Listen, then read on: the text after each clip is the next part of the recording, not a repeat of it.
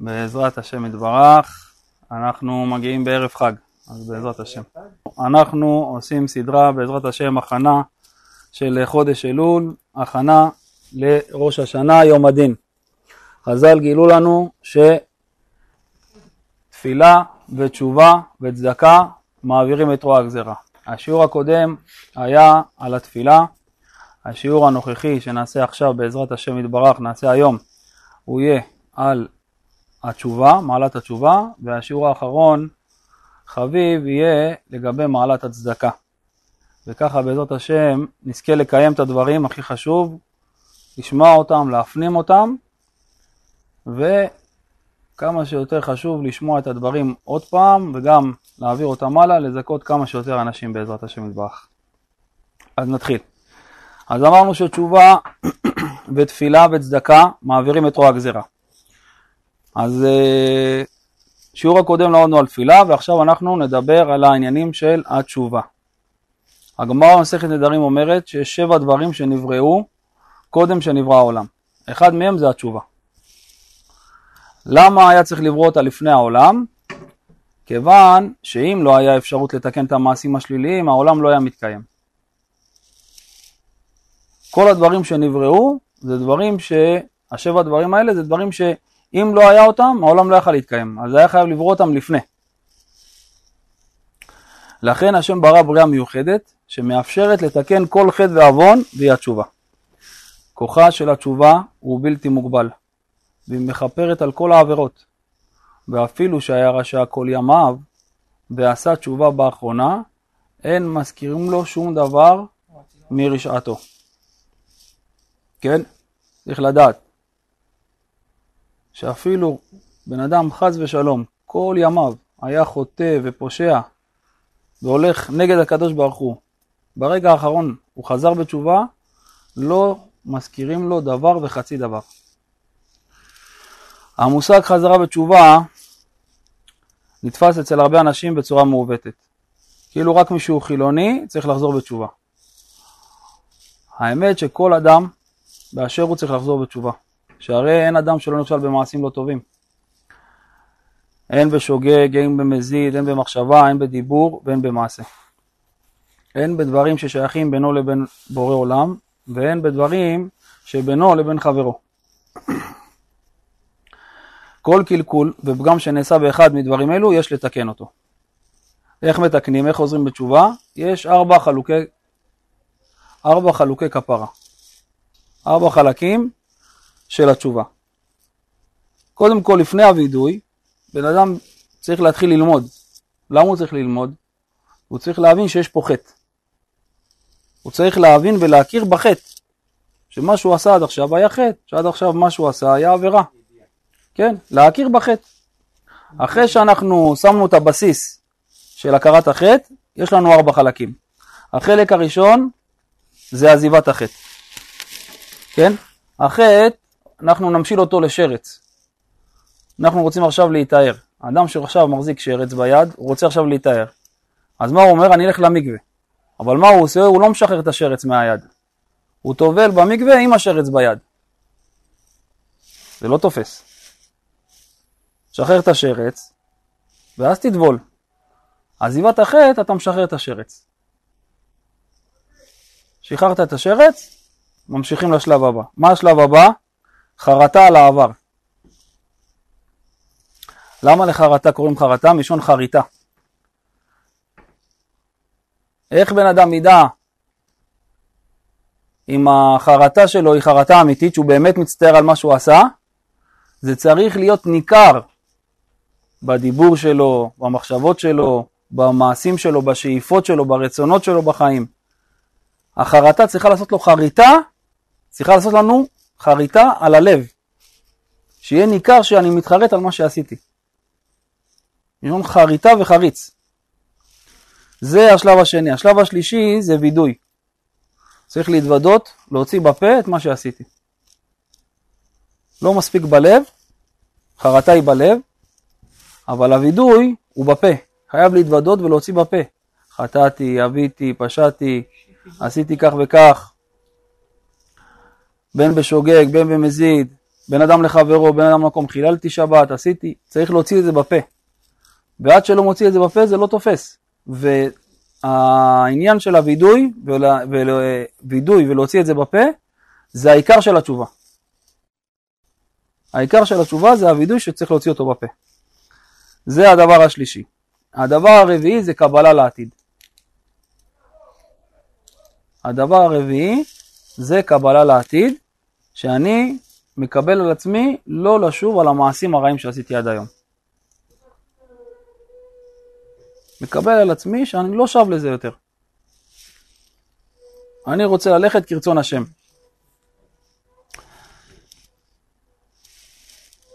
אומר הרב, לא רק בחודש אלול בעשרת ימי תשובה צריכים לשוב בתשובה, אלא כל יום ויום מימי חייו של האדם צריך לעמול ולהשתדל לתקן את חטאיו ופשעיו. כמו שרמז שלמה המלך בספר קהלת, ואמר בכל עת יהיו בגדיך לבנים. מה ההמשך של הפסוק, אתם זוכרים? בשמן על ראשך לא יחסר. תחשוב עכשיו אתה עם בגדים לבנים, ושמים לך עכשיו כת של שמן על הראש. אומרים לך עכשיו תלך עד הבית, שהכת של השמן מלא עד הסוף. איך בן אדם הולך? בזהירות. אומר שלמה המלך, בכל עת יהיו בגדיך לבנים זה הנשמה. נשמה טהורה ונקייה. אבל מה? תזכור, ושמן על ראשך לא יחסר. תדע לך שאתה הולך בעולם הזה, זה עולם מלא פיתויים, מלא תאוות, מלא משיכה לצד הרע. תראה שלא יהיה חסר לך את השמן שיש לך על הראש. יש לך שמן עכשיו על הראש, תראה שהוא לא חסר, אל תעשה עבירות. למה? כי אם תעשה עבירות ואתה עם בגדים לבנים, ואתה הולך עכשיו לחתונה, אתה לא תרצה לבוא ככה לחתונה. אומר תיזהר. למה? כי אתה לא יודע מתי יקראו לך. ומתי שיקראו לך אתה רוצה לבוא עם הבגדים לבנים.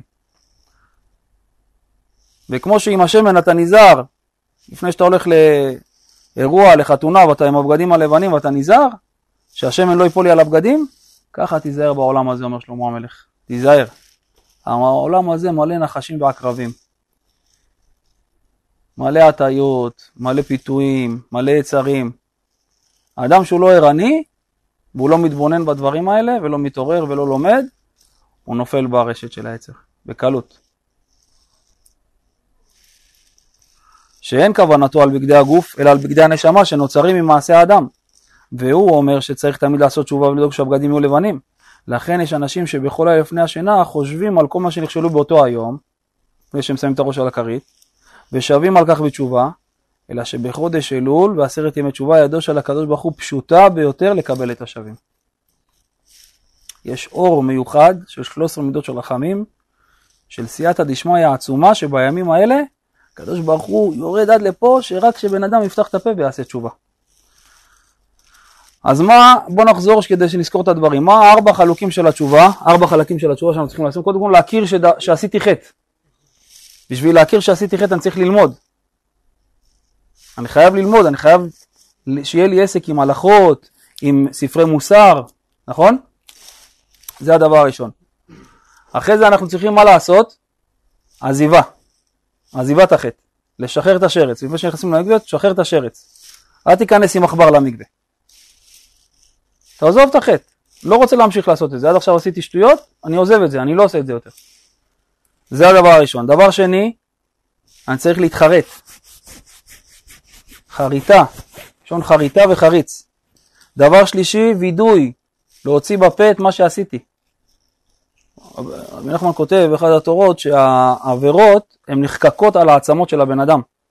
ועל ידי הווידוי שאנחנו מתוודים, אנחנו מוציאים את העוונות האלה מהעצמות שלנו. מהעצמות ממש, מהעצמות של הבן אדם. זה הדבר השלישי, והדבר הרביעי, קבלה לעתיד. זה תשובה. זה ארבע חלקים של התשובה, ולכל דבר עכשיו אנחנו ניכנס יותר, וננסה בעזרת השם אה, להיכנס לעובי הקורה. נסביר דבר דבר. רבנו כותב באחד התורות, בתורה ו', שעיקר עיקר תשובתו של האדם, ישמע ביזיונו, ידום וישתוק. אבל לכאורה עכשיו, מה, מה נעשה עם כל הדברים האלה? עם כל הארבע חלקים האלה? נפסקו בשולחן ערוך, נפסקו ברמב"ם, ככה הגמרא פוסקת, ככה כל הראשונים והאחרונים פוסקים שזה ככה זה התהליך של התשובה. בא רבנו אומר לא, תשמע, עיקר התשובה שיבזו אותך, ידום בלב וישתוק בפה. גם בלב לא ירגיש שום קפדה ושום צער, ויגיד תודה לקדוש ברוך הוא שהוא, שהוא כיפר לי את זה בביזיון הזה, כי מגיע לי יותר, וגם בפה לא ישיב כלום, לא יחזיר, וזה, עיקר, וזה עיקר התשובה. לא מספיק שזה לא רק בלב? אז, אז, אז, אז רגע, אז לפני, לפני העניין הזה, לא מספיק או כן מספיק, בואו נשאל שאלה אחרת, מה עם הארבע חלקים האלה? רבנו משמיט אותם, אומר עיקר התשובה, תשמע את הביזיון שלך, ידום וישתוק, זהו, זה עיקר התשובה. מה רבנו רצה להגיד פה? זה קושייה, נכון? הרי זה, על הדין הזה אין מחלוקת. ברגע שאתה, שאתה בעצם מקבל את הביזיון והלב שלך והפה שלך שווים, שאתה בעצם מרגיש שבלב אתה נקי ובפה אתה שותק, אז תדע שאתה בתשובה. אבל מה עם עזיבת החטא? מה עם החרטה? אבל רבנו לא כותב את זה. אבל, לא, אבל, אבל, אבל פה הוא לא מגלה את דעתו בזה, הוא אומר ככה, זה הדיבור שלו, עיקר התשובה, ישמע בזינו אדם וישתוק. הוא לא אמר, וכמובן שיקדים את הארבע חלקים שלפני. יפה, זה, לפי רבנו זה עיקר התשובה. אבל מה, שולחן ערוך, רבנו לא חולק חס ושלום על שולחן ערוך או על הרמב"ם, לא, מה פתאום, אין דבר כזה. אלא מה מתרצים? שמעו תירוץ פלא פלאים. אומר באמת, הארבע חלקים האלה, בן אדם עשה אותם. נגיד שעכשיו הארבע חלקים האלה, בן אדם עשה אותם. זה צ'ק, זה משהו שמן, זה תשובה, זה דבר עוצמתי. אבל איך אתה תקבל את החתימה על הצ'ק? אם יבואו ויבזו אותך ואתה תדום ותשתוק, יהיה לך חתימה על הצ'ק, זה אומר שהארבע חלקים האלה היו אמיתיים, והיית, וזו תשובה אמיתית, עשית תשובה אורגינל, לא היית חרטטן. בדיוק, זה החתימה של הצ'ק. עשית את זה, אבל הקדוש ברוך הוא אולי סתם חרטטת אותי, אולי זה לא אמיתי. אני רוצה לבדוק שזה אמיתי מה שעשית. אתה מקבל עכשיו תשובה, אתה מקבל כפרת עוונות, אתה מקבל את המתנה הכי גדולה שיש בעולם. אני אשלח לך ביזיון, אתה תדום ותשתוק, ואם עשית את זה, אני אדע שהארבע הראשונים האלה הם היו פיקס. זה יהיה האינדיקציה שלי. אם אתה תדום ותשתוק או לא תדום ותשתוק.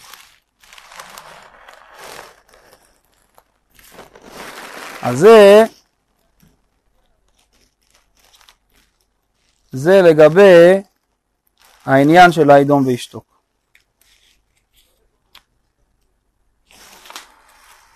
תשובה, המשמעות של תשובה זה לשוב למצב הקודם שהיה. אתם זוכרים את השיעור שעשינו בחנוכת בית, שדיברנו שהנשמה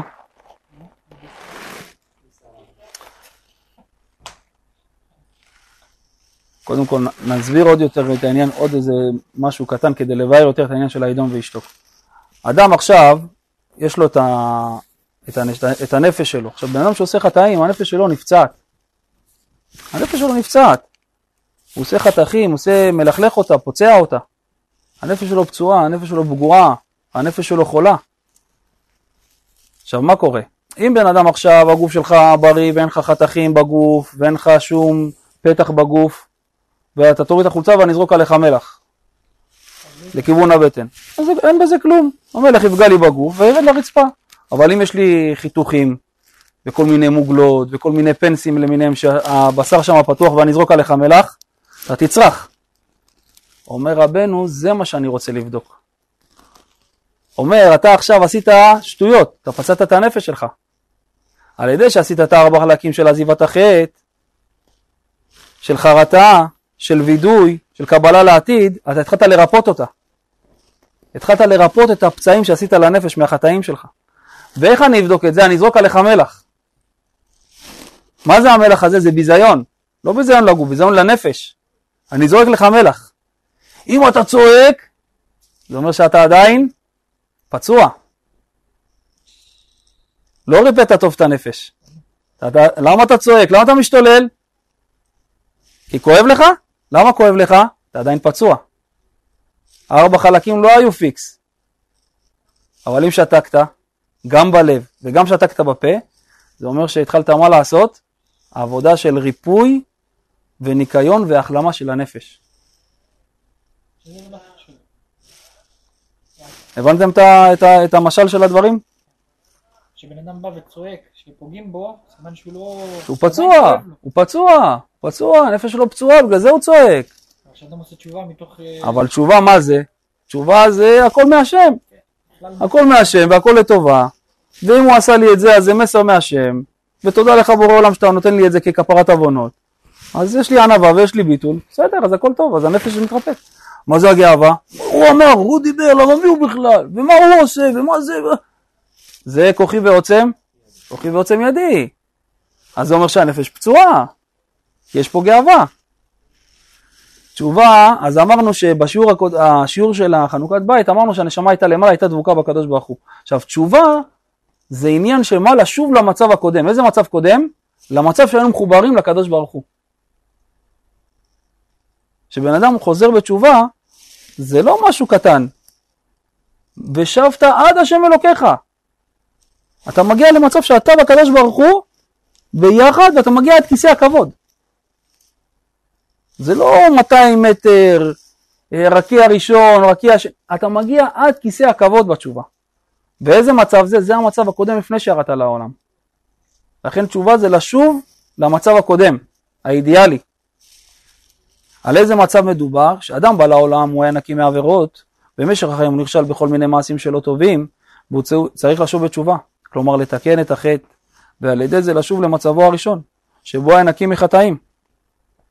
כמו שאומרת הגמרא במסכת בבא מציאה, דף ק"ז, ברוך אתה בבואך וברוך אתה בצאתך. מה הכוונה?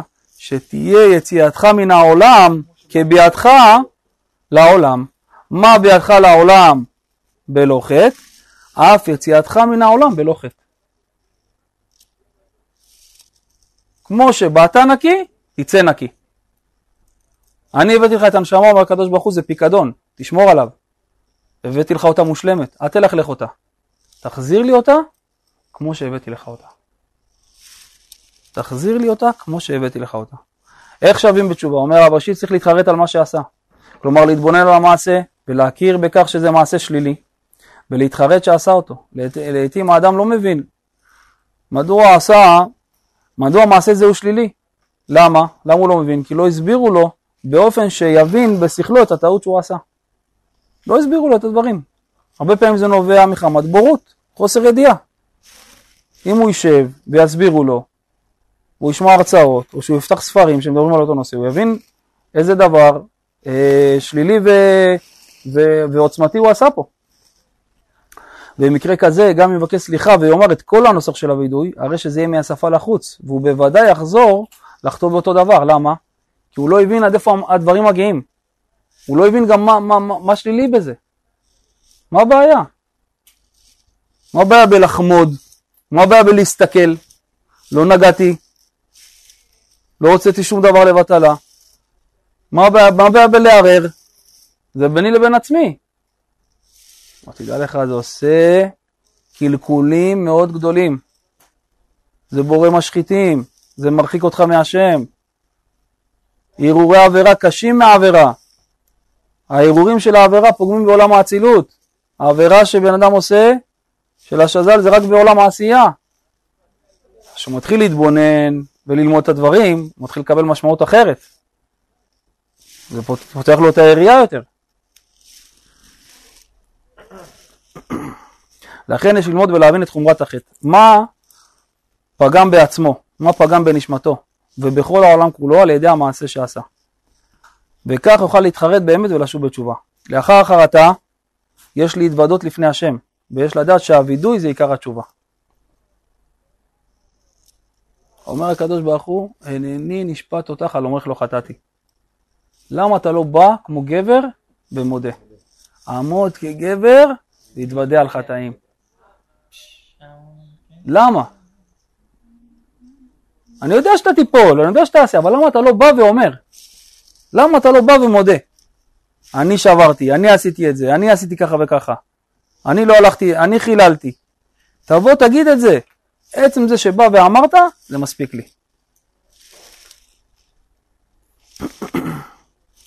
גם בזמן בית המקדש היו מביאים קורבנות, לכפר על חטאים היה צריך להתוודות. ובלי וידוי, גם אם הוא יעשה את כל המעשים שבעולם כדי לפעס את השם, זה לא יועיל. בן אדם מביא עכשיו קורבנות, בית המקדש, שהיה קיים, היה מביא קורבנות. קורבנות היו מכפרים. מתי הם היו מכפרים? מתי שהבעלים היה באמת מה? מתוודה על החטא שהוא עשה ומתחרט. לכן גם מה היו שם הלווים עושים? על מה הם היו אחראים? הם היו אחראים על השירה והניגון. והם היו בקיאים באומנות של השירה והניגון של העולמות העליונים, והם ידעו על איזה, ב, על איזה, בחטא מסוים, על, לפי הקורבן שבן אדם מביא, הם ידעו איזה חטא הוא עבר, ולפי זה ידעו לנגן לו את הניגון שיעול את הנשמה, יביא אותו לחרטה, יתחיל לבכות, יתחיל להתוודות, ואז היו שוחטים את הקורבן שלו. זה היה הסוד של הלוויים. הסוד של הלוויים זה להגיע עד העומק הפנימי של הנשמה של אותו אחד, למרתפים שלו, לרדת שם לצלול, הוא יבין עד איפה הוא עשה, עד איפה מגיע החטא שלו וכמה זה כואב לו, הוא יתחיל לצאת לו נחל של דמעות מהעיניים, ואז באותו זמן מה היו עושים? שוחטים את הקורבן שלו. זה היה האומנות של הלוויים. לא. הבנת? זה לא דברים פשוטים. שהיו מנגנים, שיש שם נבל וזה, היו יודעים לדעת איזה כלי נגינה לקחת, מאיזה עולם לקחת. כן, יש קורבן עולה, יש חטאת, יש אשם. אז כל אחד, עכשיו בן אדם מגיע ככה עם קשיחות כזאת, הוא מביא קורבן, הוא רואים שהוא כולו ככה מתוודה, אבל רואים שהוא עדיין ככה נשאר קשוח, קשה עורף. אה, אם מביאים לו איזה מוואל ככה, איזה חבוש, מה זה חבוש? איפה זה משהו עמקים של העמקים של הנשמה, זה... אין דבר כזה. איפה זה, היו בקיאים, יודעים לך מאיזה עולם למשוך את זה, לפי החטא שבן אדם עשה, ככה לו אותו ג'ובר וזה, פתאום מתחיל לבכות, כמו תינוק, בוכה, בוכה, אה, נשבר לך הלב? יאללה, טאק. אפשר לשחוט. ובלי וידוי, גם אם יעשה את כל המעשים שבעולם כדי לפייס את השם, זה לא יועיל. בלי וידוי, גם אם תעשה צדקות וחסדים ותפילות ותהילים וסליחות ושופרות ועולמות, אם מה לא יהיה? אם לא יהיה וידוי, מה העניין בווידוי? וידוי אתה מבין שעשיתי פה חטא, אני מודה שעשיתי, אני לא מתכחש, אבל אתה עומד מול השם. אני לא מתכחש לזה שעשיתי חטא בורא עולם, אני בא ואומר שעשיתי חטא. ואני מתחרט על זה ואני רוצה לחזור בתשובה. ותזכה אותי לא לחזור על זה עוד פעם. ריבונו של עולם, העץ הרע מאש, אני בשר ודם. קשה לי להתגבר עליו. תעזור לי כפרה לך להתגבר עליו. תחזור לי, תעזור לי לחזור בתשובה שלמה. תעזור לי, אני לא יכול. והגמרא גם אומרת שצריך לבקש, לולא השם עוזרו, אינו, אינו יכול לו. איך הוא יעזור, אומר בורא עולם? תבקש ממני. למה אתה חושב שאתה יכול עליו לבד? תבקש את העזרה שלי. אבל תבוא ותתבונן מה עשית. תבוא ותתבונן מה עשית. אל תרוץ על כביש 6 בחיים. זה סוס שוטף במלחמה. רץ במלחמה, לא מעניין אותו. חרבות, הצלפות, זה, זה, מתחיל לאבד דם, ממשיך לרוץ במלחמה. עד שמה? נגמר לו כבר, אין לו כבר מכסה של דם בגוף, נופל ומת. רונן, תעצור, תירגע. קח אוויר. מה הווידוי? מה זה הווידוי? שיאמר לשם, אנא השם חטאתי, אביתי, פשעתי לפניך, עשיתי כך וכך, ויפרט את המעשים הלא טובים שעשה, כגון שיקרתי לחברי, גזלתי חפצים שלא שייכים לי, חיללתי את השבת, דיברתי לשון הרע, לא כיבדתי הורים, ואני מתחרט על המעשים אלו ומבקש ממך סליחה. ואני מקבל על עצמי שלא לשוב ולעשות את המעשים אלו לעולם. תשובה זה תהליך פנימי של האדם, וזה לא אמירת מילים, או עשיית פעולות מסוימות בלבד, אלא זה תהליך של שינוי מהותי ופנימי של האדם. וכיוון שהאדם עושה תשובה מול השם, שיודע את המחשבות שלו ואת התוכניות שלו, עלה לשים לו להיות אמיתי, כי את השם אי אפשר לרמות. השם יודע את המחשבות שלך, ויודע את התוכניות שלך, ויודע שאם אתה עכשיו רוצה לעשות סליחות, ואחרי זה לצאת לאיזה מועדון, או לאיזה ישיבה עם בנים ובנות ביחד, אז הוא אומר כאילו, בואנה מה, זה, התוכנ... זה התוכנית שלך? זה מה שאתה מתכנן לעשות? לבוא לבקש סליחה ואחרי הסליחה לתת לי סטירה? זה צריך להיות אמיתי. תשובה זה תהליך שהוא לאט לאט הוא אמיתי, והוא צריך להיות כנה, צריך להיות כנים מול השם. למה? כי אתה לא יכול לחרטט אותו. אתה צריך להיות הכי פתוח עם השם, כמו חבר. כמו חבר, ש... ויותר מחבר שאתה פותח לפניו הכל, כי אין מה להסתיר. לפני השם אין מה להסתיר. כשאדם מתחיל לעשות את הפעולות האלה יום יום, יום יום, מתחיל לעשות את העניין הזה של ההתבודדות והתשובה, והדברים האלו מגיע לעומקים ומגיע לקרבה כזאת של השם, שאי אפשר כבר לנתק אותו. שרק היום מביאים כאילו כבש או כל דבר כזה שוחטים. אה, איפה, לא איפה, זה תהליכים, זה עולמות, איזה זה סודות נפלא. יש בזה, בזה סודות. כי אמרתי מה, היה יורד מלאך. בצורת אריה ואוכל את הקורבן, ואם, ה... ואם זה לא היה קורבן שהוא עושה אותו מתשובה אמיתית, היה יורד, המלאך היה יורד בצורה של כלב, זה רק לשבת שם כל היום, רק להסתכל. שהסטרא אחא כביכול לוקחת אותו. זה דברים שניסים היו רואים את זה בעיניים. היו רואים את הניסים האלה בעיניים. השלב הסופי של התשובה זה קבלה לעתיד, שלא לחזור לעשות שוב את המעשים הללו. ולכן יש להוסיף בסוף הווידוי ולומר, ואני מקבל על עצמי לא לחזור לעולם על מעשים אלו. אמרתם? זה משפט שתמיד אתם צריכים לזכור אותו. אחרי שעושים וידוי והכל, תמיד צריך לזכור את המשפט הזה. ואני מקבל על עצמי לא לחזור על המעשים הרעים האלו. זה לא רשום בסידור. זה, זה חלק מהתשובה. זה ב, ב, נגיד, אם, אם תפתח נגיד סידורים של אה, קריאת שמע על המיטה, אתה עושה וידוי והכל, לא יהיה לך כתוב את החלק הזה. תהיה חכם, תיקח עט, קח עט, מותר, ואחרי שסיימת את כל הוידוי תכתוב, ואני מקבל על עצמי לא לחזור על מעשים הרעים האלה שעשיתי עד היום. ואז אתה תעשה תשובה מושלמת, עם קבלה לעתיד. הבנת? לא להיות מקובע. ואחרי זה אתה צריך, אבל מה? צריך, יש פה עכשיו יצר הרע. שמה? ולהגיד, אני אדם חדש שכרגע נולד, אני בריאה חדשה שכרגע נולד, וכרגע באתי לעולם, ואני מוסר בידך את כל המחשבות, ואת כל הפעולות, ואת כל השיחות שלי, ויהי רצון שאני אתנהג כרצונך. אני עכשיו בריאה חדשה, עכשיו נולדתי. אחרי שעשיתי את זה אני צריך להאמין שהכל נמחל ולא מזכיר לי כלום, ואני תינוק, ואני מוסר את כל המחשבות ואת כל הפעולות שלי ואת כל ה- השיחות שלי וכל הדיבורים שלי אליך, שאתה תעשה את זה כרצונך הטוב, ומה בורא עולם? תזכה אותי לעשות את רצונך. תוליך אותי, אתה תוליך אותי. אני לא רוצה כוחי ויוצא מידי פה, אני לא רוצה לעשות דברים נגדך. והדבר הזה, זה דבר שנקרא להתחיל דף חדש. אחרי שאתה עושה תשובה, להתחיל דף חדש ולשכוח מהכל. לשכוח מהכל, מהכל של הכל. מהכל של הכל, ולהאמין באמונה שלמה שהדבר יתכפר לגמרי. הנה, בעל התניא, היום אנחנו ביום הולדת שלו, שלו ושל הבעל שם טוב. בעל התניא אומר שלא יכול להיות שחז"ל יתקנו לנו ברכה לבטלה בתפילת שמונה עשרה. סלח לנו אבינו כי חטאנו, מכל המלכנו כי פשענו, כי אל טוב וסלחת, ברוך אתה השם, חנון הרבה לסלוח. אה, אם הוא לא מחה לך, איך בירכת? איך הוצאת שם השם? משמע, אם אתה לא מאמין במחילה שנמחה לך כל מה שעשית, משמע מפה שאתה אומר כביכול שעשית ברכה לבטלה. הבנת? ירין, הבנת? אם אתה לא מאמין באמונה שלמה שנמחה לך, משמע, מה עשית עכשיו? ברכה לבטלה, עשית שם השם לבטלה. הרי איפה הדברים האלה כתובים? כאילו זה... כל... כאילו... כאילו... הרב עובדיה מביא את זה. כן, כן, כן. לגבי תשובה, לא, לגבי תשובה, הרב עובדיה אפילו לא לא כתב את זה. אמר זה הכל כבר הרמב"ם כבר כתב. לא. הרמב"ם כבר כתב הכל, כבר לא אין מה להוסיף. יש כבר את הכל, זה כבר מלוקט. הכל כבר כתוב וזה משהו שאין עליו חולקים. אנשים רבים באים לבית כנסת בימים הנוראים, בפרט ביום הכיפורים, ואומרים את הווידוי ומכים על החזה. אולם בתוך תוכם יודעים הם שהם ימשיכו לעשות את אותם מעשים. גנבתי, גזלתי, דיברתי לשון הרע. עכשיו הוא עושה את זה, הוא אומר את זה בפה, אבל הוא בידיעה שלו לא מתכנן לעזוב את זה.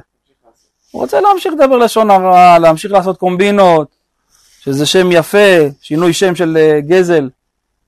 נכון? מה שלימד אותו נפל היועץ, למה אנשים היום קל ביניהם לעשות אה, גניבה וגזל? כי עשו לזה שינוי שם. סוחר ממולח, קומבינה, שועל, הוא יודע לעשות שקלים, אז אם זה שינוי שם וזה לא גניבה, אז בסדר, אפשר לעשות את זה. זה אומר, ככה יצר הרע אומר, ולא יצר אומר שככה יצר הרע, עשה לזה שינוי שם. אז הוא עכשיו מכה על החזה, אומר את כל הדברים האלה והוא מתכנן להמשיך את זה. אם נתבונן, נראה שהדבר דומה לבעל שנתן סטירה לאשתו, והוא מבקש ממנה סליחה, אבל תוך כדי אמרת הסליחה הוא גם מתכנן איך לתת לה את הסטירה הבאה. ודאי שזה רמאות ואין לזה בקשת סליחה אמיתית. בלשון חכמינו זה נקרא טובל ושרץ בידו. אם הרב עכשיו אדם עשו לו משהו, הוא כעס, אבל אחר כך הצטער על איזשהו כעס. היה נגיד עצוב, הרגיש שהוא עשה את זה. זה גם ודאי. זה. כן, זה מצוין, וצריך לה- להפוך את זה לווידוי. צריך להפוך את זה לווידוי וקבלה לעתיד, ממש, בחלקים האלה שאמרנו. כלומר, אדם שנגע בשרץ וצריך לטבול במקווה, אם יטבול שהשרץ בידו, ודאי שהטבילה לא תתאר אותו. ההחלטה להפסיק מעשים רעים זה לא החלטה פשוטה כלל. לדוגמה, אדם שרגיל לחיי שבת, קשה להפסיק מיד ולהתחיל לשמור את השבת בשלמות. קשה לו להפסיק לעשן בשבת.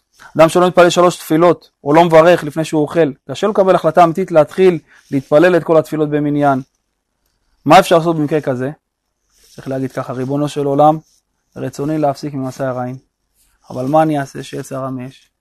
אני בשר ודם, אני לא יכול עליו, הוא יותר חזק ממני. אנא תעזור לי לתקן מעשיי ולשוב בתשובה שלמה. תעזור לי. לשוב בתשובה שלמה מלפניך. שאתה יכול לשמוע ו... טוב. אומר הפסוק, קחו עמכם דברים ושובו אל השם. כדי לחזור בתשובה מבקשים מאיתנו רק מה? מילים. קחו עמכם דברים. צריך הרבה דיבורים. ריבונו של עולם, אני רוצה לחזור בתשובה, ריבונו של עולם, אני רוצה לחזור בתשובה, ריבונו של עולם, אני מתחרט, ריבונו של עולם, אני רוצה לעשות חטאים. דיבורים. הנה, קחו עמכם דברים, מה זה דברים? לשון דיבורים, ושובו אל השם. כן, כשאתה עושה התבודדות, כל פעם שאתה עושה התבודדות, זה עניין של תשובה. אתה עושה תשובה. כל התבודדות זה תשובה, כל דיבור שלך עם השם זה עניין של תשובה. וכדי לחזור בתשובה, מבקשים מאיתנו את המילים, והתפילה הכי גדולה היא של העני. בלי לוותר ובלי להיכנע ובלי להתייאש. מה הכוונה? יש לי עניות, אני עני ואביון במעשים טובים, במידות טובות, אני מלא במידות רעות, אני מלא במעשים רעים, אני מלא בראיות אסורות, אני מלא בפג- בפגמים. אני מתפלל כמו עני ואביון, אני לא מלא, לא מלא בתורה ולא במצוות. אבל מה? אני לא מתייאש. ו- ומה זה? זה הקורבן שהכי חביב בפני השם יתברך. תפילה לעני כי יעטוף. שעם כל זה הוא אומר, תראה הקדוש ברוך הוא, תראה הוא ככה מעוך, והוא אין לו כלום, והוא, והוא בא בכל זאת. הוא נלחם בשבילי. הוא הולך נגד השכל שלו, נגד הרצונות שלו. הוא בא עם הכלום. מה היה, מה היה הקורבן של העני שהיה בא? לא היה לו כבשים. לא היה לו עופות. העני היה מגיע עם קמח. וכולם באים עם כבשים, זה, זה, זה. אבל הבושה הזאת, שהוא בא נכנס עם קמח, וזה הקורבן שלו, הוא אומר בעולם, זה מה שאני יכול להביא. קח את זה, זה מה שיש לי בבית. אומר הקדוש ברוך הוא, זה הקורבן הכי חביב לפניי. אומר רבנו, תביאו לי טיט ותבן, אפילו המעשים הקטנים האלה, ההתאמצות הקטנה, ההשתדלות, הרצונות האלה, תביאו לי את זה, אני אעשה לכם בעניינים נפלאים. אתה מתקרב לצדיק, אתה מבין שהדברים האלה זה, זה נקודות טובות, זה אבנים טובות, שאפשר לבנות איתם בניינים נפלאים. אבל מה? לא להתייאש ולא להיכנע, וכל יום לעשות את זה. כל יום לשוב בתשובה, כל יום, כל יום צריך לעשות התבודדות. כל יום. עם האביונות שלי, עם האביונות שלי ברוחניות ובגשמיות. עם העניות שלי, אני בא. הקדוש ברוך הוא אוהב את העזות הזאת. זה אומץ לקדושה, אז כנמר. כתב הרמב"ם, מדרכי התשובה להתרחק הרבה מהדבר שחטא בו. כלומר, אחרי שהאדם התחרט על המעשים הרעים שעשה וביקש סליחה וקיבל עצמו לא, לא לעשות את אותם מעשים, הרי שהוא צריך להתבונן מדוע הוא נכשל במעשה זה. זה נקרא, איזהו חכם הרואה את הנולד. נכון? יש לפעמים בנסיעה בכביש דבר שנקרא עופרי, נכון? תכנון, תכנון של מה? תכנון נסיעה. נכון? תכנון נסיעה, אתה מתכנן את המהלכים כי אתה רואה כמה מהלכים קדימה. אותו דבר תעשה בתשובה.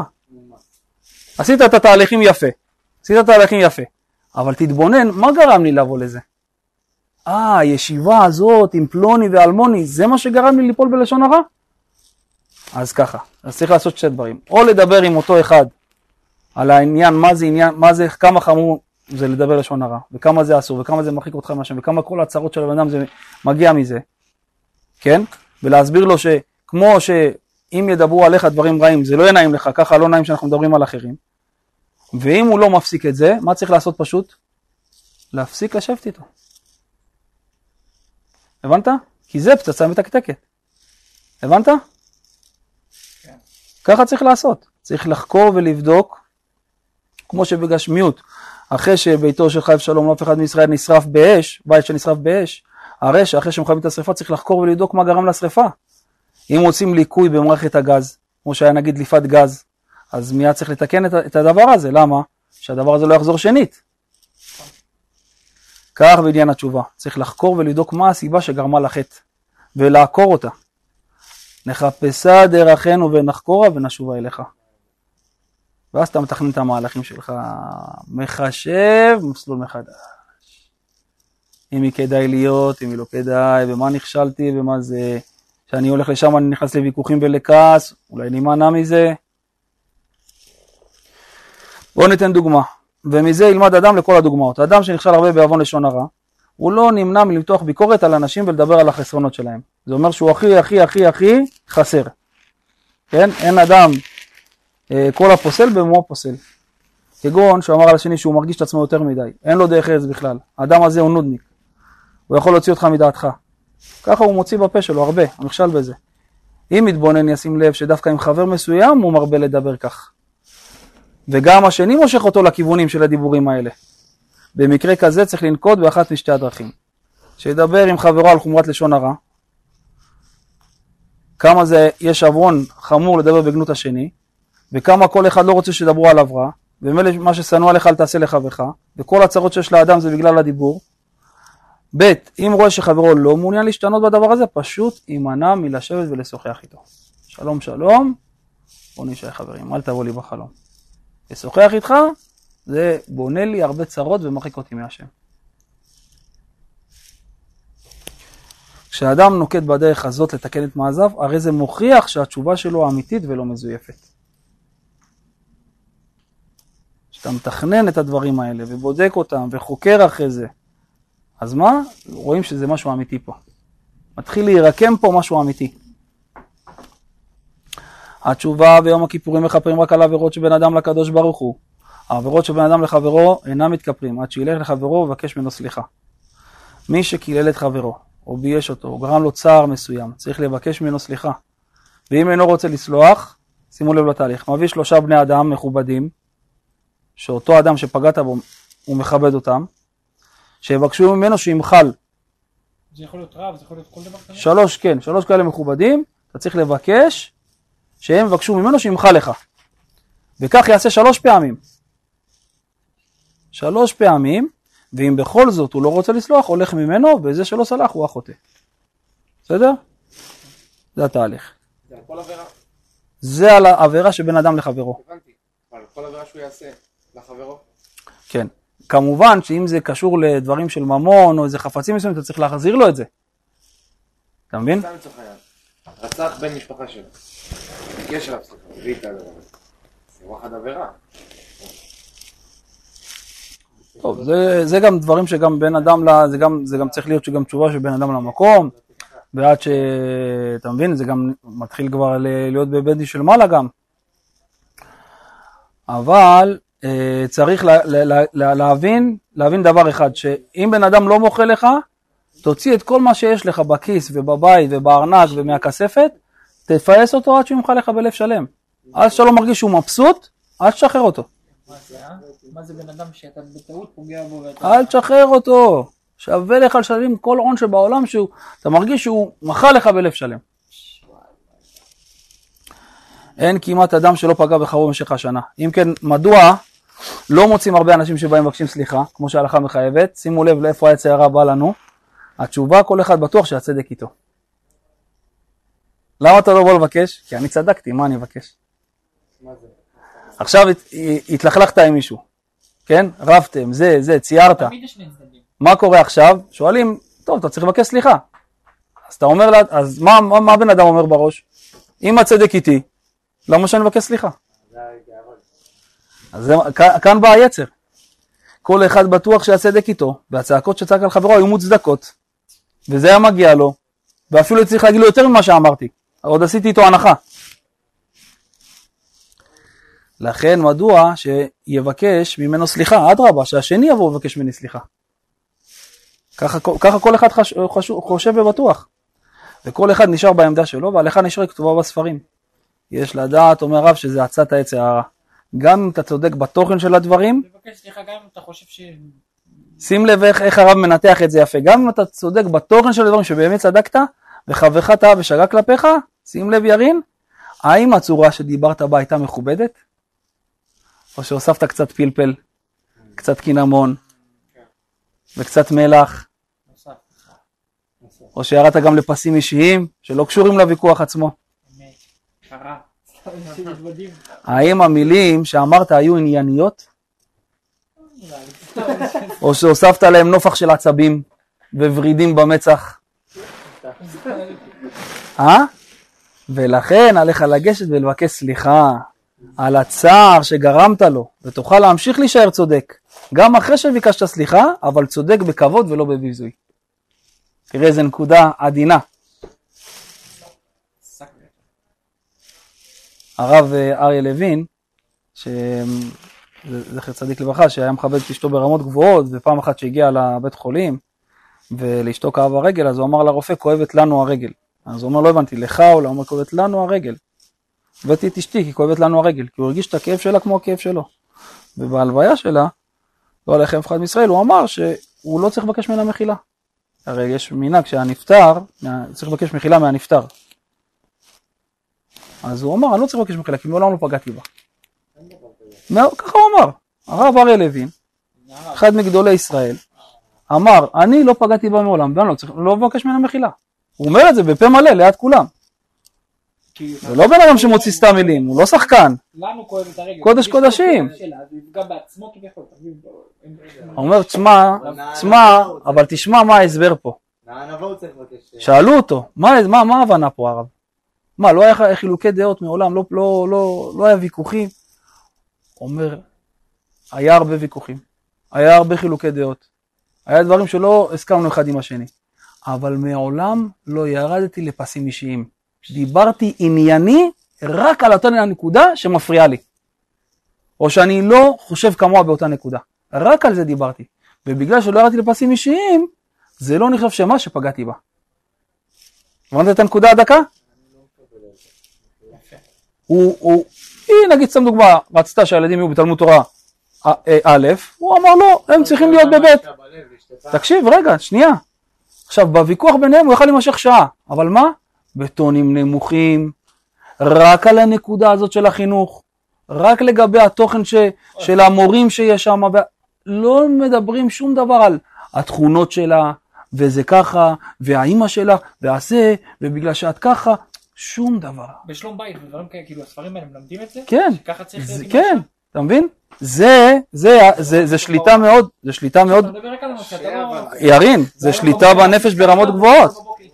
אבל זה הרב אריה לוין, זה הרב אריה לוין, אתה יודע מי זה הרב אריה לוין? אתה יודע במה מדובר? זה נקרא הרב, אתה, לא, צריך לקרוא עליו כדי לה- להגיד מה זה קודש קודשים. זה היה הרב של האסירים. הוא היה הולך כל פעם לאסירים, מחזק אותם. קבוע, היה לו שיעורים קבועים אצל האסירים, היה מעודד אותם, מחזק אותם, מפיח בהם רוח חיים. היה פעם, שמע סיפור עליו. היה פעם אחת שהוא הלך ברחוב, ותמיד היה מישהו מגיע לשיעורים שלו, ו... אבל היה קשה לו להתרגל לכיפה. הוא לא היה שם כיפה, בחוץ, ברחוב הוא לא היה שם כיפה.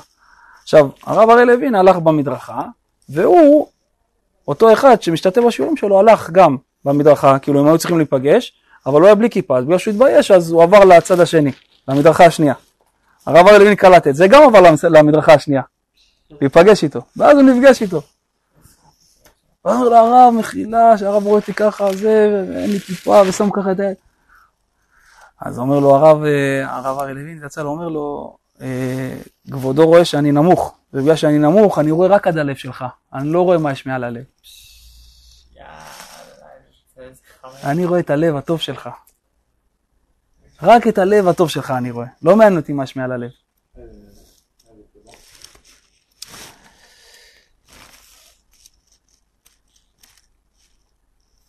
אסור לאדם להיות אכזרי, אלא יהיה נוח לסלוח ולהתרצות לחברו בשעה שמבקשים ממנו לסלוח. סלח מיד. וזה דרכם של ישראל, זרע ישראל, שהם ביישנים, רחמנים וגומלי חסדים, שתיבות גבר. ואילו הגויים הם אכזריים ולא סולחים מהר. מה? מה אתה מרוויח מזה? מקם. מקם ראשי תיבות, מידה כנגד מידה. אתה סלחת, אומר, אתה סלחת לחבר שלך, אומר ברוך הוא, מה אני אעשה? אני גם אסלח לך. אתה מחלת וסלחת? הורדת את הקפאת המעל, ניקית את הלב על, על מה שיש לך? את הצער שהוא עשה לך? הורדת, הורדת את השנאה ואת הקפדה שיש לך עליו? גם לי יש עליך הרבה שנאה וקפדה והרבה תיקים, אני גם יוריד אותם. מי שפגע בחברו ולא הספיק לבקש ממנו סליחה, והנפגע נפטר. מן העולם, ייקח עשרה אנשים, ילך לקבר שלו של הנפגע, ויבקש ממנו סליחה, ואם היה חייב לו כסף, יחזיר ליורשים שלו. אדם שלווה או גזל מחברו חפץ או כסף או כל דבר אחר ולא החזיר לו, גם אם מבקש ממנו סליחה ויצום בכיפור לא יתכפר לו עד שיחזיר את הדבר לחברו. בדורנו ירדה שכחה לעולם ולפעמים מרוב הטרדות אנחנו יכולים להיקשר בלי כוונה ולכן גם מי שנזהר מאוד שלא לגנוב ולא לקחת דבר בלי רשות יכול למצוא חפצים שלא שייכים לו שנמצאים ברשותו. לדוגמה, כל אדם יביט בספרייה שלו ויראה אם אין שם איזה ספר או סידור או חוברת שלא שייכים לו, שייכים לחבר שלו, או מבית הכנסת וכדומה, ושכח להחזיר את זה עד היום. עלינו לדעת שדבר זה נחשב לגזל גמור, ועל כל אחד להוציא את הספרים האלו ולהשיב אותם לבעלים שלהם. גזל זה דין פרוטה כדין מאה, שתבינו. גם חוברת של כמה שקלים זה כמו אלפייה. עשר אגורות זה כמו מאה שקל, לפי התורה. וכן ילך למחסן ויסתכל על הכלים, אולי יש שם כלי שהשיל מחברו לפני הרבה זמן ועדיין לא החזיר לו, וגם כאן עליו ללכת כמה שיותר מהר להחזיר לו. יש דברים שאם הוא לקח מחברו, גם אם הוא רוצה להחזיר לו אותם, הוא לא יכול, וצריך להיזהר מהם. כגון מה? זמן. מי שלוקח לחברו זמן בלי רצונו, לא יוכל להחזיר לו אותו לעולם. שים לב איזה, הרב, איזה דוגמה הרב נותן, שנייה. ולכן, על כל אחד להיזהר לא לגזול את זמנו של השני. איך אפשר לגזול זמן? לפעמים אדם נוסע ברכב, שימו לב, זו דוגמה מצויה, בכביש, שיש בו נתיב אחד, בסדר? ונוסעות אחריו מכוניות. לפתע הוא רואה את החבר שלו צועד במדרכה. אם יעצור אפילו רק לעשר שניות וישאל אותו מה נשמע, יחליפו שיחה ככה של עשר שניות, הרי שכל המכוניות שאחריו יחכו לו עד שהוא יסיים. ולא יוכלו להמשיך את הנסיעה, ואם היה שם עשר מכוניות, או אוטובוס שבתוכו חמישים איש, הרי שגזל לכל אחד עשר שניות מהחיים, שזה חמש מאות שניות. מישהו חשב על זה פעם? לא, זה מצחיק. זה מצחיק, אבל זה גם עצוב, כי אי אפשר להחזיר את זה. אם אני נותן, אבל אני אביא לו זמן, כאילו, אבל... לא מה. תביא, איפה עשר אנשים עכשיו, איפה אתה מכיר אותם, מה תעשה, מה תחזיר להם? מה תעביר לו, 500 שניות בביט? או מי שעוקף את חברו בתור, יש בכך גזל זמן. ויש להיזהר בדוגמאות אלו בכל הדומה להם. גם גוי אם אני גוזל אותו זמן? גזל הגוי יותר חמור מגזל של ישראל. למה? כי הגויים לא, אה, לא מוכלים, וגם כתוב בספרים שאדם שגזל גוי, אז למעלה יש רשות לשר של אותו אומה, של הגויים, לגזול שפע מעם ישראל. קולקטיבי? כן.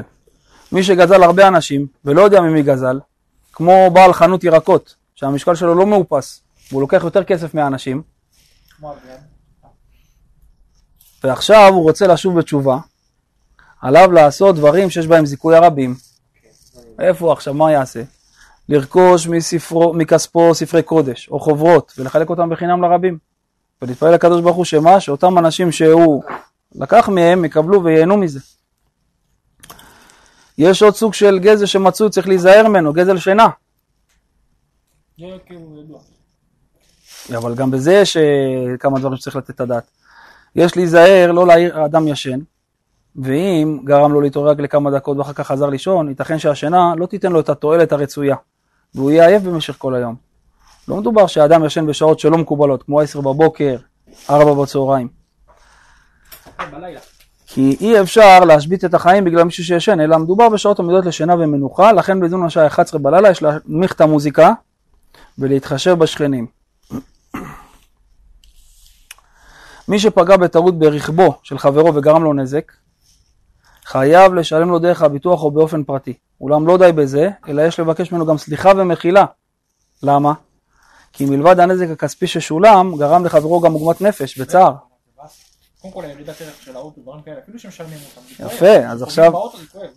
הנה, שילמתי, מה, זהו. לא, תבקש סליחה. יחד עם לקוחה שמשווק לה את הבית, העבורה מתחת לבית שרתה לי את כל אותה, אני מסתכל עליה, אני אומר למה, למה זה? איך אני מוציא עליה עכשיו את העצבים? אי אפשר, זה. אי אפשר, יאללה. קדמי, טוב. ולאחר שתי הדברים הללו, יתוודה לפני השם ויבקש סליחה שפגע ביהודי וגרם לו צער. יש שתי פסוקים שהם בעלי מסר שונה. פסוק אחד אומר, מכסה פשעיו לא יצליח. מה הכוונה? משמע שיש לאדם לפרסם את החטאים שלו, לא להסתיר אותם. מכסה פשעיו לא יצליח. פסוק אחר אומר, אשרי נשוי פשע כיסוי חטא. משמע שצריך לכסות ולהסתיר את החטאים. אז איך זה מסתדר? פסוק אחד ממשלי, מכסה פשעיו לא יצליח, צריך לפרסם. השני אומר, בתהילים, אשרי נשוי פשע כיסוי חטא, אשרי מי שמסתיר את החטאים. אז מה צריך להסתיר או לגלות? שתי פסוקים שסותרים. אומרת הגמרא תשובה, כיצד מסתדרים שתי הפסוקים? עונה רב זוטרא בגמרא, העבירות שבין אדם לחברו יש לגלות, בינינו בינו לבין עצמו, או שהם. יש לגלות אותם גם ברבים, בין, בין אדם לחברו, והעבירות שבין אדם לקדוש ברוך הוא צריך לכסות אותם. כאילו עכשיו נגיד קרה לי משהו עם מישהו, אני יכול לספר את זה כאילו? הנה, ולכן מי שבייש את חברו, לכן מי שבייש את חברו, ניתן דוגמה, לכן מי שבייש את חברו גזל אותו, או הוציא עליו שם רע וכדומה, שלום עליכם, בטח. תסביר לו רק אה, את ה...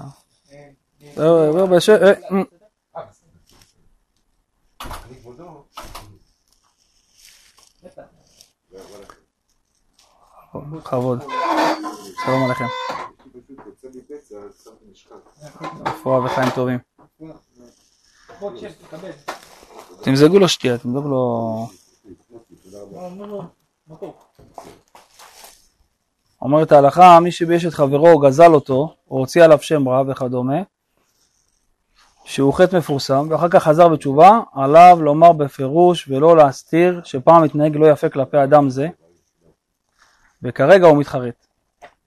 אולם בעל תשובה שבעבר היה חילוני ועשה הרבה חטאים בצנעה בינו לבין בוראו, הוא לא צריך לספר את זה לאחרים את החטאים שעשה, אלא ישוב על כך בתשובה לפני השם. אלא אם כך, אלא אם, כך, אם כן הוא מספר לאדם מסוים כדי לחזק אותו ולהראות לו שאפילו שהוא חטא כל כך הרבה, הוא יכול עדיין לשוב לחיק אביו שבשמיים. זה אומר, כן, כי אמרנו שיש שתי פסוקים שלכאורה הם סותרים אחד את השני. פסוק אחד אומר, מכסה פשעיו לא יצליח.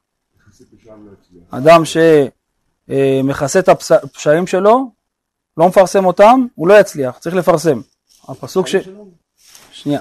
פסוק אחר אומר, אשרי נשוי, נש, נשוי פשע כסוי חטא. מה זה? זה בתהילים, שמשמע שצריך להסתיר. לא לא- לא. לא עוון, נכון. אז יפה. אז יוצא מכאן שיש פסוק אחד שאומר להסתיר, ופסוק אחד אומר לגלות. אז הרב הביא פה תירוץ שכתוב בגמרא, אמר מר זוטרא, העבירות שבין אדם לחברו מפרסם אותם, והעבירות שבין אדם למקום, לקדוש ברוך הוא, מכסה אותם. בסדר? בין אדם לחברו אני צריך להגיד, אה, כאילו, להלשין. לא, לא להלשין, לגלות את זה, לגלות. אני- לא, אין שום בעיה שזה מוקלט. אני כן. אבל.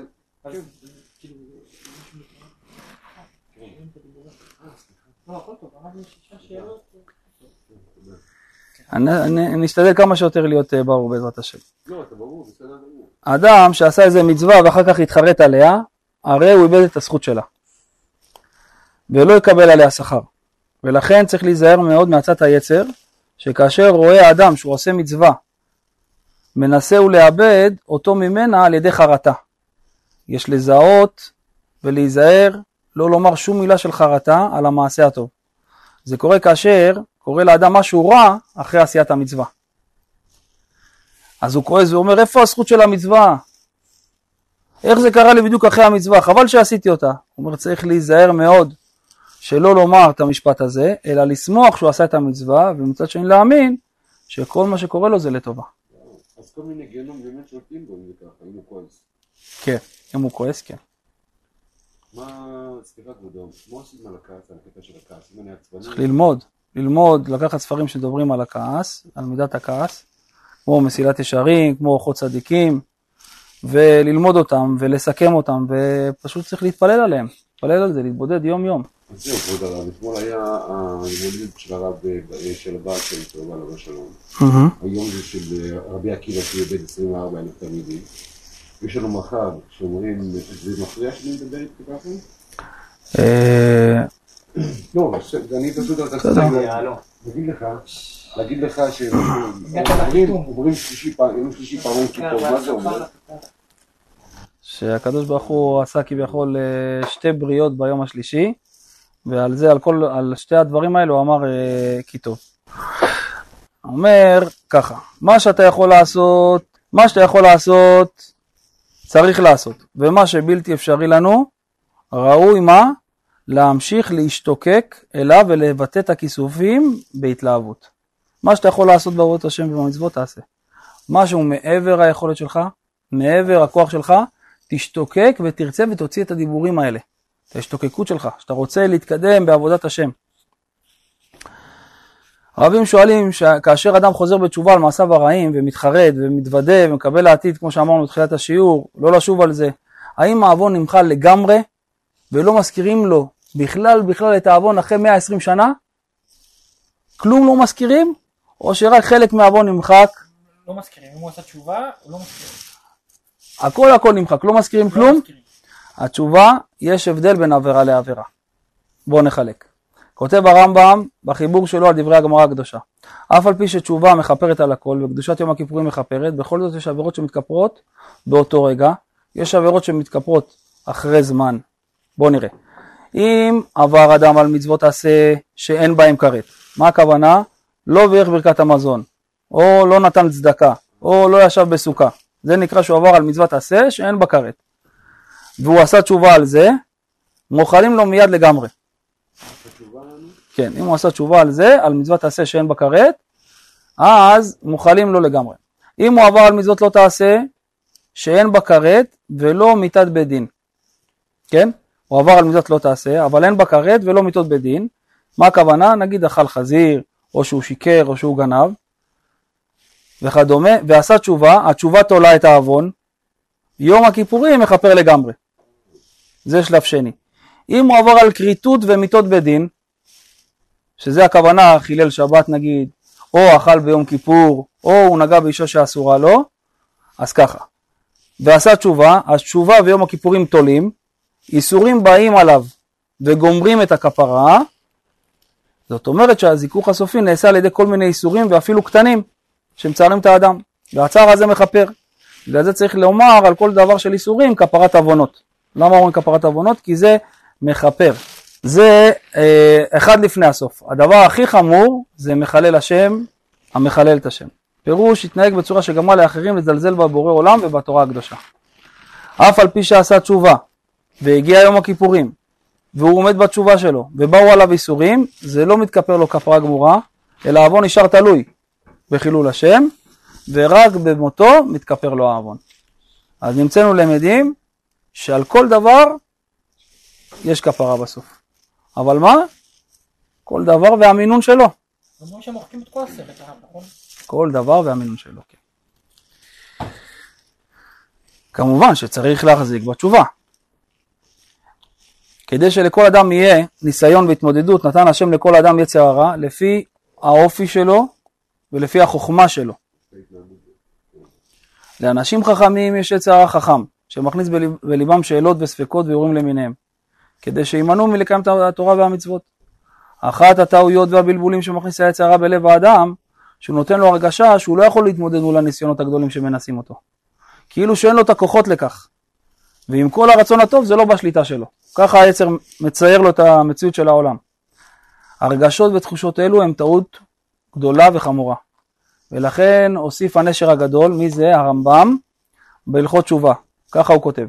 בשביל להסביר את זה ולהוציא את השטות הזאת מהראש. שרשות לכל אדם נתונה. אם רצה לעשות את עצמו לדרך הטובה ולהיות צדיק, הרשות בידו. אף אחד לא מחליט לך על זה. ואם רצה לעשות את עצמו לדרך הרע ולהיות רשע, הרשות בידו. אתה מחליט להיות עם צדיק או רשע. וזה מה שכתוב בתורה. אין אדם יהיה כאחד ממנו לדעת טוב ורע. כלומר, מין זה של האדם הוא יחיד בעולם שעושה את כל מה שהוא חפץ. ואין מי שיעכב בידו מלעשות טוב או רע. אף אחד לא מעכב אותך. אתה בעצמך מחליט. רק אומר הקדוש ברוך הוא, נתתי לך את הטוב ואת הרע, את המוות ואת החיים, אומר הקדוש ברוך הוא, תקשיב לי, יש לי המלצה קטנה, ובחרת בחיים. עדיף לך, בשבילך. תברח, תבחר בדרך התורה. אל יעבור במחשבתך הדבר הזה שאומרים טיפשי אומות העולם ורוב גולמי בני ישראל, שהקדוש ברוך הוא גוזר על האדם מתחילת בריאתו להיות צדיק או רשע. זה לא דבר נכון. אומר זה, אומרים את זה מי? גולמי בני ישראל, או טיפשי אומות העולם. אלא כל אדם יכול להיות צדיק כמשה רבנו, או רשע כיורבם בן נבט, שחטא והחטיא את עם ישראל. או חכם או שחל, או רחמן או אכזרי, ואין לו מי שיכפה עליו ולא גוזר עליו, אלא הוא מעצמו ומדעתו נוטה לאיזה דרך שירצה. וזה שאמר ירמיהו הנביא, מפי עליון לא תצא הרעות והטוב. כלומר אין הבורא גוזר על האדם להיות טוב או להיות אדם רע. דבר זה עיקר גדול, והוא עמוד התורה והמצווה, שנאמר ראה נתתי לפניך היום את החיים. כלומר אין הבורא כופה את בני האדם ולא גוזר עליהם לעשות טובה או רעה, אלא הכל מסור ביד האדם. מה צריך לעשות? העצה היא כל אדם, כל יום שבן אדם קם, להגיד אין לי לעבוד את הקדוש ברוך הוא, אלא רק את היום הזה. מה יהיה מחר? לא יודע. אם השם ייתן חיים, בעזרת השם, נראה מה יקרה. אבל יש לי מה לעשות, יש לי רק את היום הזה לעבוד. אם יש לי רק את היום הזה לעבוד, בסדר, אפשר. חי במסעות. 40, 80, 90 קילומטר. מה אומרים לך? נותנים לך את היעד הסופי, צריך להגיע עד לשם? רק אחרי 28 שעות אנחנו נגיע. לא. עוד שלוש שעות תהיה עצירה. עוד שעתיים יהיה מנוחה. עוד חמש שעות תהיה עצירה של אוכל. אז יש יעדים, אז זה קל. ככה גם תעשה בתשובה, תהיה חכם. אני עובד השם רק היום. אם זה רק היום, אז, אז אפשר ללכת, אפשר לעשות, אפשר להניח תפילין. אפשר פחות לדבר לשון הרע. אפשר... מה מחר? לא יודע. מחר תקום? רק היום. כל, כל בן אדם יש לו רק את היום, ובאמת זה ככה, למה? מי מבטח לך שתחיה מחר? כל אדם יש לו רק את היום. יותר מזה, לכל היום יש רק את הרגע. מי אמר שחמש דקות הבאות אתה תחיה? לכל אדם יש רק את הרגע הזה שהוא נמצא בו. ואסור, ואסור להיות זקן. מה הכוונה? שגם אם יש לך הצלחות בעבודת השם, והתקדמת ועשית הרבה דברים טובים, שלא יהיה לך שיכרון חושים ותתחיל להתגאות. כי מה תעשה? תתחיל להוריד רגל מהגז. ואז אתה מזדקן כביכול מה? בעבודת השם שלך. ומצד שני גם בעבירות, אחרי שעשית תשובה, שלא תתחיל עכשיו מה? להיכנס לכל הדברים שעשית ופגמת וקרה לך, ואז מה? יהיה לך קשה להתקדם הלאה. לכן כשעושים דף חדש, עושים דף חדש נקי לגמרי. צריך לעבוד על זה, צריך כל יום יום יום להתבודד על זה. יום יום צריך להתבודד על זה, ולאט לאט מתחילים לראות את השינוי הזה. צריך ללמוד את הדברים ולהתבודד עליהם. הקדוש ברוך הוא, אמרנו, בנביא אומר, אני יודע שבן אדם יחטא, רק מה הבעיה שלי? אינני נשפט אותך, על אומרך לא חטאתי. למה אתה לא בא ומודה על החטא? אם אתה תודה על החטא, אין, אין, אין, לי דין עליך. אין לי דין עליך, אין לי בעיה. כי יצר לב האדם רע מנעוריו. אני נתתי לך את היצר, אני יודע שתיפול, אבל מה? אתה יודע מה כואב לי, אומר בורא עולם? כואב לי שלא כואב לך. כואב לי שלא כואב לך שאתה נופל בעבירות, שאתה לא מתעורר עליהם, שאתה לא לומד את הדברים, שאתה לא מתפלל על זה. זה מה שכואב לי. כמו שאמרנו, שמודה ועוזב ירוחם. היה מחלוקת בגמרא בין בית שמאי לבית הלל, אם טוב לו לאדם שנברא או לא טוב לו לאדם שנברא. נחלקו. בית שמאי ובית הלל היה להם מחלוקת, אם טוב שהקדוש ברוך הוא ברא יצור שנקרא אדם, או לא טוב, ש... אה, לא טוב שהקדוש ברוך הוא ברא יצור שנקרא אדם.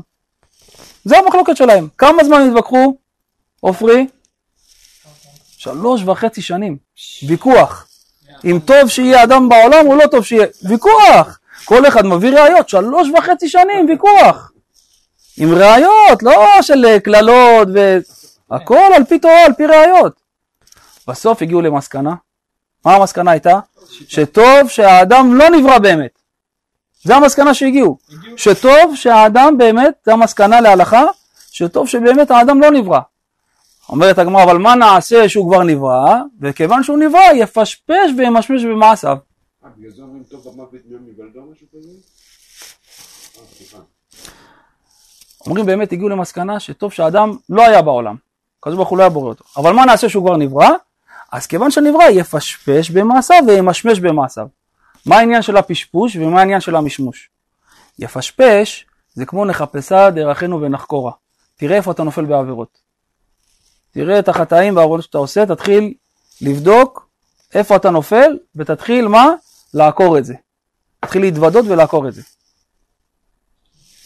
זה הפשפוש. מה זה משמוש? זה כמו שעכשיו אני רוצה למשמש את הסוג של הבגד. משמוש. מה הסוג בגד של הווילון? מה הסוג בגד של המכנס? למשמש. מה זה? זה במצוות העשה שלך. בדברים הטובים שאתה עושה. תמשמש אותם. איך אני עושה אותם? אני עושה אותם מספיק טוב. אני יודע את ההלכות של אותו דבר שאני עושה. אני מקיים את זה כמו שצריך. או שאני ממציא לעצמי הלכות, או שאני ממציא לעצמי קולות. אני עושה באמת את רצון השם, או שאני עושה את רצון השם, אבל איך שאני מבין. או שאיך שכתוב בספר, איך שכתוב בהלכה, איך שהשם רוצה שאני אקיים את זה. זה למשמש במה? למשמש במ- במעשיו הטובים. מה הטיב שלהם? כמה הם משובחים. וככה יעשה יום יום. יפשפש במעשיו וימשמש במעשיו. יפשפש בלא טוב, יעקור את זה, יתוודה ויעזוב, וימשמש בדברים הטובים. שמואל הנביא מוכיח את שאול המלך אחרי שהוא נלחם עם עמלק, הוא אמר לו לחסל את כולם בציווי השם בנבואה, וגם את הבהמות, וגם את הנשים, לחסל את כולם. ובא שמואל הנביא ומוכיח את שאול המלך. למה? שאול המלך השאיר את הבהמות. כשהוא נלחם עם עמלק הוא השאיר את הבהמות, הוא לא הרג אותם. למה? העם שכנע אותו, אמר בוא נקריב אותם לקדוש ברוך הוא, חבל. בהמות משובחות, שמנות, נקריב אותם לשם. לא הרג. בא שמואל הנביא ומוכיח את uh, שאול, שאול המלך. מה הוא אומר לו? הוא אומר לו שאתה עברת על ציווי השם. בזה שמה? בזה שהשארת את הבהמות. אבל אומר שאול, אבל אני רציתי להקריב אותם לשם. אומר, אתה לא עובד את הקדוש ברוך הוא כשאתה רוצה. שמואל אומר לשאול. ואז שמואל אומר לו משפט. אומר שמואל לשאול, החפץ לשם בעולות וזבחים? מה, הקדוש ברוך הוא אוכל פרות, חס ושלום? אוכל כבשים? החפץ השם בעולות וזבחים? כי שמוע בקול השם. הנה שמוע מזבח טוב. לשמוע על השם זה מזבח טוב, מה שהשארת. לשמוע על השם זה מזבח טוב, אתה השארת עולות וזבחים. אומר לשמוע על השם זה מזבח טוב. להקשיב מחלב אילים. מהחלק המשובח של האלים. לשמוע על השם זה יותר מזבח טוב. מה אתה משאיר בהמות? מה אתה משאיר חיות? מה אתה משאיר פרות? לשמוע על השם מזבח טוב. תקשיב מה השם אמר לך. להקשיב לקדוש ברוך הוא מחלב אילים. אל תביא ותעשה ותיתן. אומר הקדוש ברוך הוא, תקשיב לי קודם כל. תקשיב לי. תקשיב לי. החפץ השם בעולות וזבחים. תראה איזה משפט, להקשיב מזבח טוב, לשמוע על השם מזבח טוב, להקשיב מחלב אלים. אנחנו צועקים בראש השנה, בכיפור, בסליחות, מבקשים מהשם, מה רוצים, עופרי? רוצים בריאות הנפש והגוף, רוצים פרנסה, זה רוצה זיווגים, זה רוצה להצליח, זה רוצה לבנות בית, רוצה נחת, שלום בית, נחת מהילדים, כן, כל אחד עם הרשימה הארוכה שלו. אומר הקדוש ברוך הוא, אין לי בעיה, הרשימה שלך מאוד יפה, מאוד ארוכה, אבל אני רוצה רק דבר אחד. מה שמת לי עכשיו, רשימה של אלף דברים? אתה מתפלל, אתה רוצה עכשיו ראש שנה, כיפור וזה, אתה מתפלל, אתה עושה התבודדות של אלף דברים, אני רוצה רק דבר אחד, אתה יכול להביא לי?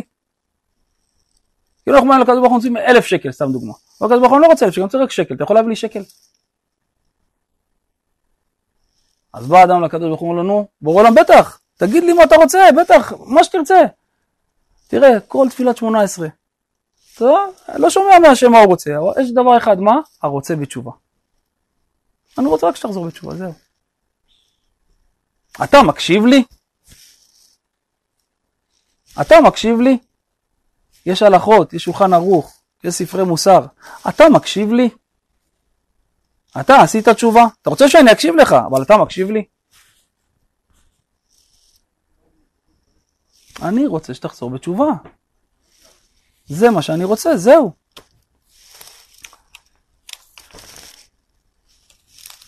אז הנה, זה הפסוק אצלנו, פה בפרשה שלנו, זה פרשות מחוברות, יונתן. מה זה פרשות מחוברות? זה ניצבים וילך. שתי פרשיות מחוברות. יש פסוק שאומר, ומל השם את לבבך ואת לבב זרעך. ראשי תיבות אלול. איך? את לבבך ואת לבב. את לבבך ואת לבב. מה הכוונה? יש תורה של רבנו בליקוטי מוהר"ן קמ"א, איך תזכרו אותה? קודשא בריך אותך, שעל ידי שבן אדם חוזר בתשובה ומוריד את עורלת הלב, שזה בעצם הטיפשות של המעשים שלנו ועורלת הלב שלא נותנת לנו לקבל אהבת השם ויראת השם, כן? אז מה הקדוש ברוך הוא עושה? מוריד את העורלה של הלב של הצאצאים שלך, של זרעך, או זרע שיצא למקומות לא טובים, לבטלה, ואז הקדוש ברוך הוא מחזיר את זה לכיוון הקדושה.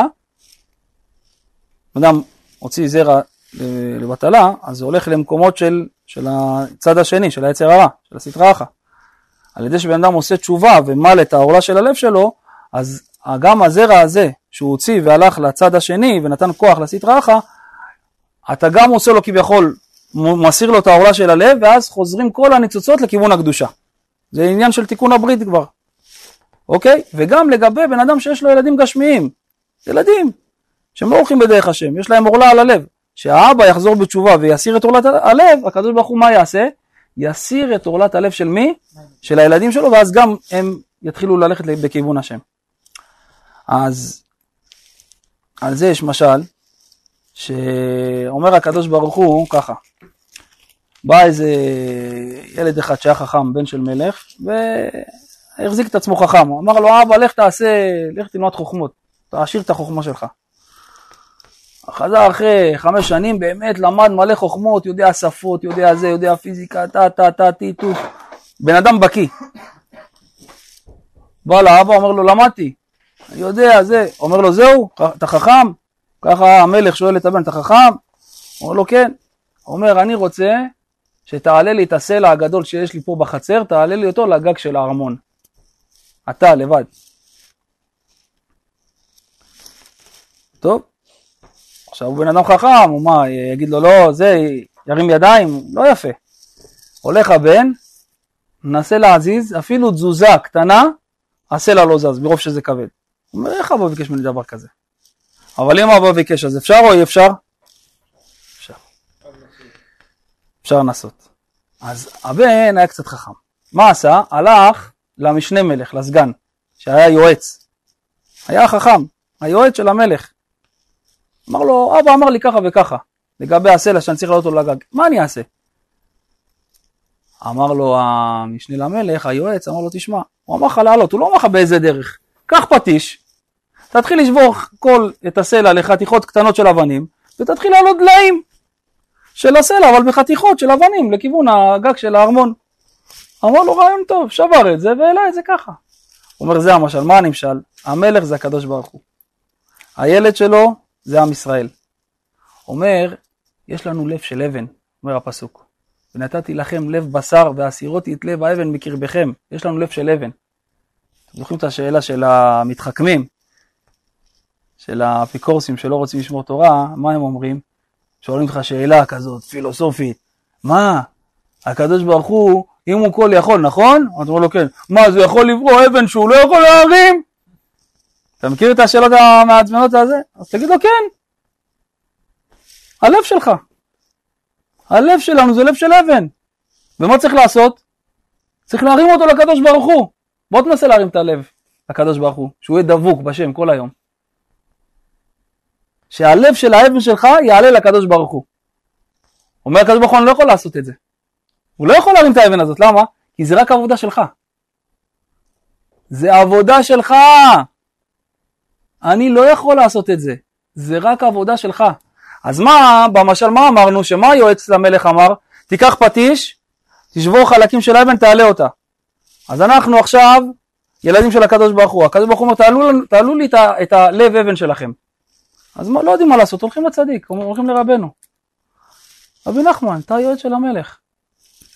אתה משל המלך, מה? אתה החכם, מה עושים? אומר, הפה זה כמו פטיש. כל דיבור שאתה מדבר עם השם, כל דיבור שאתה רוצה להתקרב אליו, שאתה אומר לו תודה, מה אתה עושה? אתה מעלה עוד חתיכה של הלב לקדוש ברוך הוא. עוד דיבור, נתת עוד מכה ללב של האבן, עוד חתיכה, עוד חתיכה, עוד חתיכה. אם אתה נהיה חזקים בזה יום יום יום יום יום יום, נעלה את כל הלב לקדוש ברוך הוא. הלב זה פטיש. בסדר? אז תזכרו שיש סגולה חזקה שלזכות לצאת זכאים ביום הדין, אז סגולה ככה. אמרנו שהקדוש ברוך הוא לא יישא פנים ולא ייקח שוחד, נכון? מה הכוונה? אין משוא פנים. אם בא עכשיו נגיד לדין לשופט, אדם שהוא עשיר ועני, אז יש נגיד שופט בשר ודם, הוא יכול להוציא את העשיר או מישהו קרוב אליו, הוא צריך ברוך אין משוא פנים. לא יישא פנים ולא ייקח שוחד. מה שצריך להיות הוא נותן. אותו משפט שיהיה למשה רבנו זה אותו משפט של כל אחד ואחד פה. אין משוא פנים. לא יישא פנים ולא ייקח שוחד, גם הקדוש ברוך מקיים את זה. אז אומרים המלאכים, הקדוש ברוך הוא, אבל איך אתה אומר בברכת הכהנים, יישא השם פניו אליך ויחונקה? זה אומר שאתה כן נושא פנים לעם ישראל. אז מה, מתי שאתה רוצה אתה נושא להם פנים, מתי שאתה רוצה אתה לא נושא להם פנים? מה הקדוש ברוך הוא עונה להם? אני אמרתי להם בתורה, ואכלת, ושבעת, ובירכת. והם מדקדקים על עצמם מה? מכזית וכביצה. שמה כבר מכזית לעשות ברכת מכביצה, הם מדקדקים כבר משם כבר לברך אותי, בלי שביעה עדיין. מה, אז אני לא אשא להם פנים? ככה עונה הקדוש ברוך הוא. אומר, אתה רוצה לקבל שנה טובה? אתה רוצה לצאת זכאי? אתה יודע מה תעשה? אתה צריך להודות לקדוש ברוך הוא על כל השנה, על כל הדברים הטובים שעשה איתך. אומר, רגע, אבל אני לא מרגיש ששבעתי. לא שבעתי מה, מהחסדים, מהטובות שהקדוש ברוך הוא עשה איתי. אומר, אם אתה תתחיל להודות גם על הדברים של הכזית, גם על, דבר, על ניסים של כזית, של קביצה, שלא כדי שביעה, אפילו גרגירים קטנים של תודה, שאתה לא מרגיש שאתה עכשיו, וואי, מה נעשה איתי? אומר, אם אתה תעשה ככה, ותודה לקדוש ברוך הוא על כל הדברים, אפילו הקטנים האלה של כזית וקביצה, דברים קטנים, שקיבלת אותם, הקדוש ברוך הוא מה יהיה חייב לעשות? יישא השם פניו אליך ויחונקה. יעשה לך מה? משוא פנים, לפנים משורת הדין. יעביר אותך ככה, בחנינה. כי התודה היא פותחת את כל השערים. אתה לא יכול לבקש דברים לפני שאמרת תודה. גם על הדברים הקטנים. נגיד איזה משהו קטן, פה מהספר החשוב, מעלת המידות. אומר גדול כוחה של התשובה, שכיוון שאדם מהר בלבו לעשות תשובה, מיד הוא עולה למעלה. כמה הוא עולה? לא, לא עד הרקיע הראשון ולא עד השני, אלא היא עולה ועומד לפני כיסא הכבוד, שנאמר שובה ישראל עד השם אלוקיך. שנייה. ולא עוד, אלא שהתשובה מקרבת את הגאולה. אבל הקדוש ברוך הוא אינו כן, אף על פי שעזבו אותו ועבדו לאל אחר, אומר להם הקדוש ברוך הוא, עשו תשובה ובואו אצלי ואני מקבל אתכם. ולא עוד, תראה איזה פלא פלאים, אלא שהקדוש ברוך הוא נשבע לקבל שווים, שנאמר חי אני נאום השם. אלוקים, אם אחפוץ במות הרשע, אני לא רוצה להרוג את הרשע, כי אם בשובו רשע מדרכו וחיה. וגדולה היא התשובה, שהקדוש ברוך הוא כתיב בעצמו בתשובה, כן? הקדוש ברוך הוא עושה תשובה בעצמו לפנינו, שנאמר, הנני שב. אומר, אתה מתבייש לעשות תשובה? אומר הקדוש ברוך הוא, אתה יודע מה אני עושה? אני שב בתשובה לפניך.